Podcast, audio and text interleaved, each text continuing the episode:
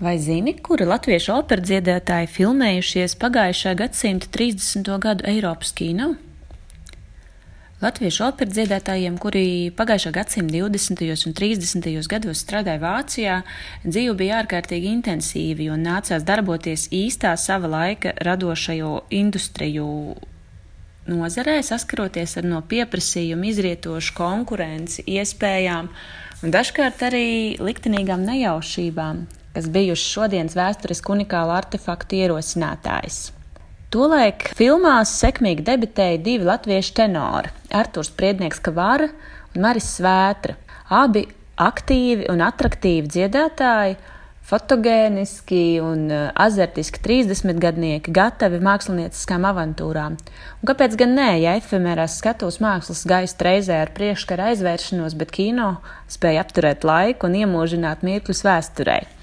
1930. gadā Artūrs Priednieks Kavāra piedalījies Krievu režisora Aleksandra Volkova filmā Baltais vēlns pēc Ļeva Tolstoja romāna Hadži Murats motīviem, atveidojot dziedātāju.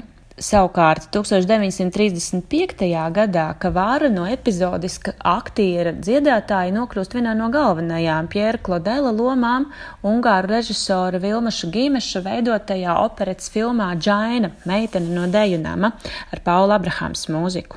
Protams, laikmeta moda noteica iespēju filmas vajadzībām angažēt operas un operetes žanrā darbojošos māksliniekus. Par Kavāras filmām Latvijā ziņu nav, toties Maris Vētras dalība vācu kino režijas klasiķa Karla Frēlika filmā Pavasara pasaka Rīgā izrādīta kā pavasara teika, izsmeļoši dokumentēta gan paša vētras korespondencē, gan arī 30. gadu latviešu presē, kura aktīvi sekoja populārā dziedātāja gaitām ārzemēs. 30. gados, sevišķi pēc Hitlera nākšanas pie varas, ārzemniekiem, lai strādātu Vācijā, vajadzēja īpašu atļauju, sevišķi, ja tas saistījās ar piedalīšanos Vācu filmās. Maris Svētra atmiņās raksta, ka bijis jādabū arī dažādi nepieciešamie papīri, kas apliecinātu ārisku izcelsmi, kas dziedātājiem, kur īstais vārds bija Morits Blumbergs, bet vecstāvu vārds Īzeks nenācās viegli. Tomēr beigās ar prāvesta kundziņu palīdzību izdevies savākt dokumentus, kas apliecināja, ka Krievijā agrāk arī ārieši bijuši Blumbergi un Īzeki.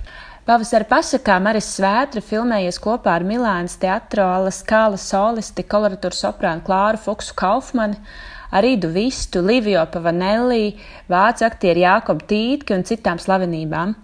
Aprakstot darbu filmēšanas laukumā, Vētra secina: darbu un tehniku prasa dzīve, darbu un tehniku prasa māksla. 20. gadsimta māksliniekam jāstāv tehniski tik augstu, ka viņš nepagurst no darba.